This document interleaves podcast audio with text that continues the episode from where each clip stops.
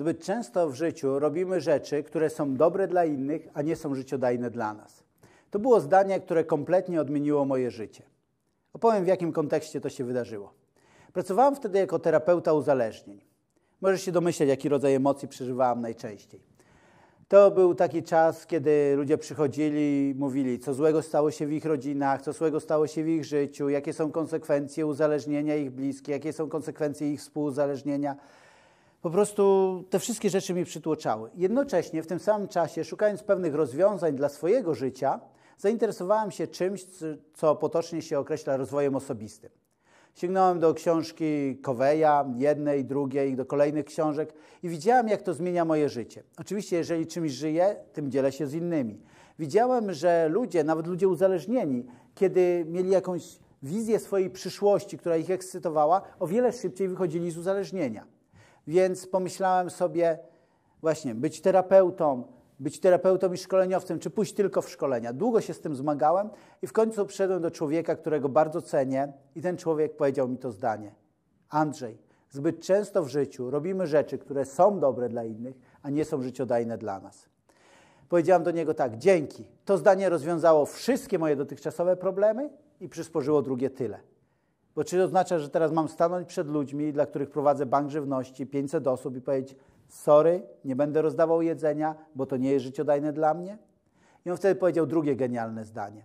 Jeżeli twój rozum jest w konflikcie z twoim sercem, idź za twoim sercem, ale zrób to w mądry sposób.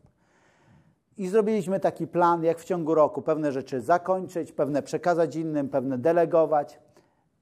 I poszedłem całkowicie w to, co jest życiodajne dla mnie. Jestem teraz szkoleniowcem, coachem, e, autorem, mentorem i widzę, że to, co jest życiodajne dla mnie, jest przy okazji dobre dla innych, niekoniecznie działa to też w drugą stronę. Kiedy zacząłem dzielić się swoją historią z innymi ludźmi, ludzie mówili, też tak, też tak bym chciał, też chciałbym żyć ze swojej pasji. Ja mówię, to zacznij żyć. I kiedy pracuję z ludźmi, stawiam im zwykle takie pytanie. Mówię, gdybyś wiedział, że masz gwarancję sukcesu, co robiłbyś w życiu? Mówimy tu o życiu zawodowym. Kiedy ludzie mówią, nie wiem, Zadaję, zadaję im wtedy drugie, bardzo ważne coachingowe pytanie. A gdybyś wiedział, co by to było? Zobaczyłem, że większość ludzi nie ma problemu z tym, żeby nazwać, co by chcieli robić. Albo bardzo łatwo jest to odkryć, pracując z ludźmi. Natomiast ten problem, który się pojawia, to jest uwierzyć. Uwierzyć, że ja z tego mogę żyć. Uwierzyć, że mogę pogodzić dwie rzeczy, które wydają się nie do pogodzenia. Pogodzić swoją pasję z finansami i po prostu zbudować biznes, na tym, co naprawdę kocham i co naprawdę lubię. I to poczucie, że nie umiem, że się nie nadaje, sprawia, że ludzie nie działają. A nawet jeżeli zaczynają działać, to gdzieś podświadomie z takim autosabotażem, z nastawieniem: OK, będę działał, ale udowodnię sobie i światu, że ja się do tego nie nadaję. Żeby wzmocnić w ludziach to poczucie własnej wartości, ale wzmocnić też je w sobie, szczerze mówiąc, Często opowiadam jedną z historii, która wydarzyła się w moim życiu. Kiedyś moi znajomi napisali mi maila: Słuchaj, Andrzej, w Berlinie będzie fajny mówca, chce się wbić do Europy, więc pierwsze spotkanie jest za darmo. Wypełniałem formularz zgłoszeniowy i tam doszedłem do kategorii. Były różne kategorie, na górze było na czerwono VIP. Ponieważ byłem w dobrym nastroju, tak trochę dla zabawy, kliknąłem sobie VIP, kliknąłem Next i nagle zobaczyłem tak, takie coś. Dziękujemy, Twoja rejestracja przebiegła pomyślnie, na podany przez Ciebie adres zostanie wysłany bilet. Myślałem, o nie, przecież ja nie jestem żadnym VIP-em. Parę dni później dostałam ten bilet. Rzeczywiście okazało się VIP, trzeci rząd i obiad, yy, który zapewniają organizatorzy. Kiedy przyjechaliśmy już tam do Berlina, patrzę, a tam tłum osób stoi. My też stanęliśmy, zaczął padać deszcz, jeden z moich znajomych mówi, patrz, tam jest wejście dla VIP-ów. Ci to mają dobrze. Tak pomyślałem, ja jestem VIP-em, wstydziłem się powiedzieć kolegom, mówię, ja tam pójdę. Oni w śmiech, poszedłem, wpuszczono mnie. Potem opowiadali, że oni też tam poszli i ich nie wpuszczono. Więc tam siedzę sobie w trzecim rzędzie, macham do moich kolegów, którzy byli na górze, bo to była hala sportowa, udawali, że mnie nie widzą. W przerwie się spotkaliśmy. I kiedy się spotkaliśmy, oni mówią tak, Andrzej, słuchaj, jak będzie przerwa obiadowa, wyjdziemy parę minut wcześniej, tu obok jest McDonald's, będziemy pierwsi przed tymi tłumami. Nie mówię, słuchajcie, dla takich jak ja jest zapewniony obiad przez organizatorów. I pokazuję im bilet dla VIP-ów. Oni na to patrzą i mówią, Andrzej, przecież ty nie jesteś VIP-em. Ja mówię, panowie, fakty przeczą waszej opinii. Opowiadałem tą historię wiele razy.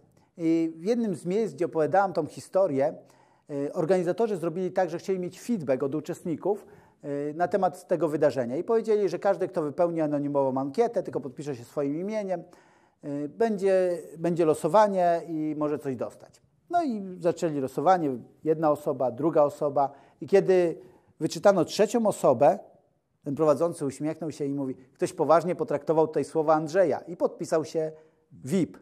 Wyszła dziewczyna, która ze łzami w oczach powiedziała tak. Słuchajcie, przychodzę tu od lat, nigdy nic nie wygrałam. I pomyślałam sobie, kiedy słuchałam Andrzeja, że zbuduję życie na swojej pasji, że jestem tego warta, że będę traktować siebie z szacunkiem i z godnością, na jaką zasługuję. I dlatego, kiedy już miałam podpisać się swoim imieniem, pomyślałam, nie, podpiszę się dokładnie tak, jak będę się teraz traktować. I podpisałam się VIP. I wygrałam. Czy to musiało się tak skończyć? Nie musiało się, ale myślę, że to był ważny, tak, taka ważna wskazówka, którą ta osoba otrzymała, że warto traktować siebie jak VIP. Więc kiedy odkryjesz to, co jest Twoją pasją, wiem, kiedy pracuję z klientami, oni zaczynają to odkrywać, albo nagle przychodzi takie zrozumienie, mówią: Wow, tak, to jest to, to ja chcę to robić. I mówią: Pomóż mi teraz, jak na tym zarabiać. Ja mówię: W to, co ja wierzę, ja wierzę, że bogactwo to jest nagroda od społeczeństwa za to, że mu się dobrze służy. Więc musisz najpierw dobrze służyć. Mam swoją metodę, którą nazywam WWW. Wytrwałe dawanie wartości daje wyniki, co oznacza najpierw stań się wartościowym pracownikiem, wartościowym przedsiębiorcą. Pokaż wartość, a wtedy będziesz mógł na tym zarabiać. Więc kiedy już odkrywasz swoją pasję, nie zamieniaj ją od razu w biznes. Kiedy odkrywasz swoją pasję, to co powinieneś zrobić, to rozwijać ją. Stać się jak najlepszy w tym, y, co uważasz za pasjonujące dla ciebie. I wtedy, kiedy będziesz jak najlepszy, wtedy zacznij tym dzielić się z innymi. Oczywiście dziel się od początku, ale nie myśl, że odnalezienie pasji to już jest to. Odnalezienie pasji to ważny początek. Później ciężka praca, żeby tą wartość przekazać innym. Zakończę słowami, które bardzo lubię. Sukces przyjdzie, ale musicie zastać przy pracy.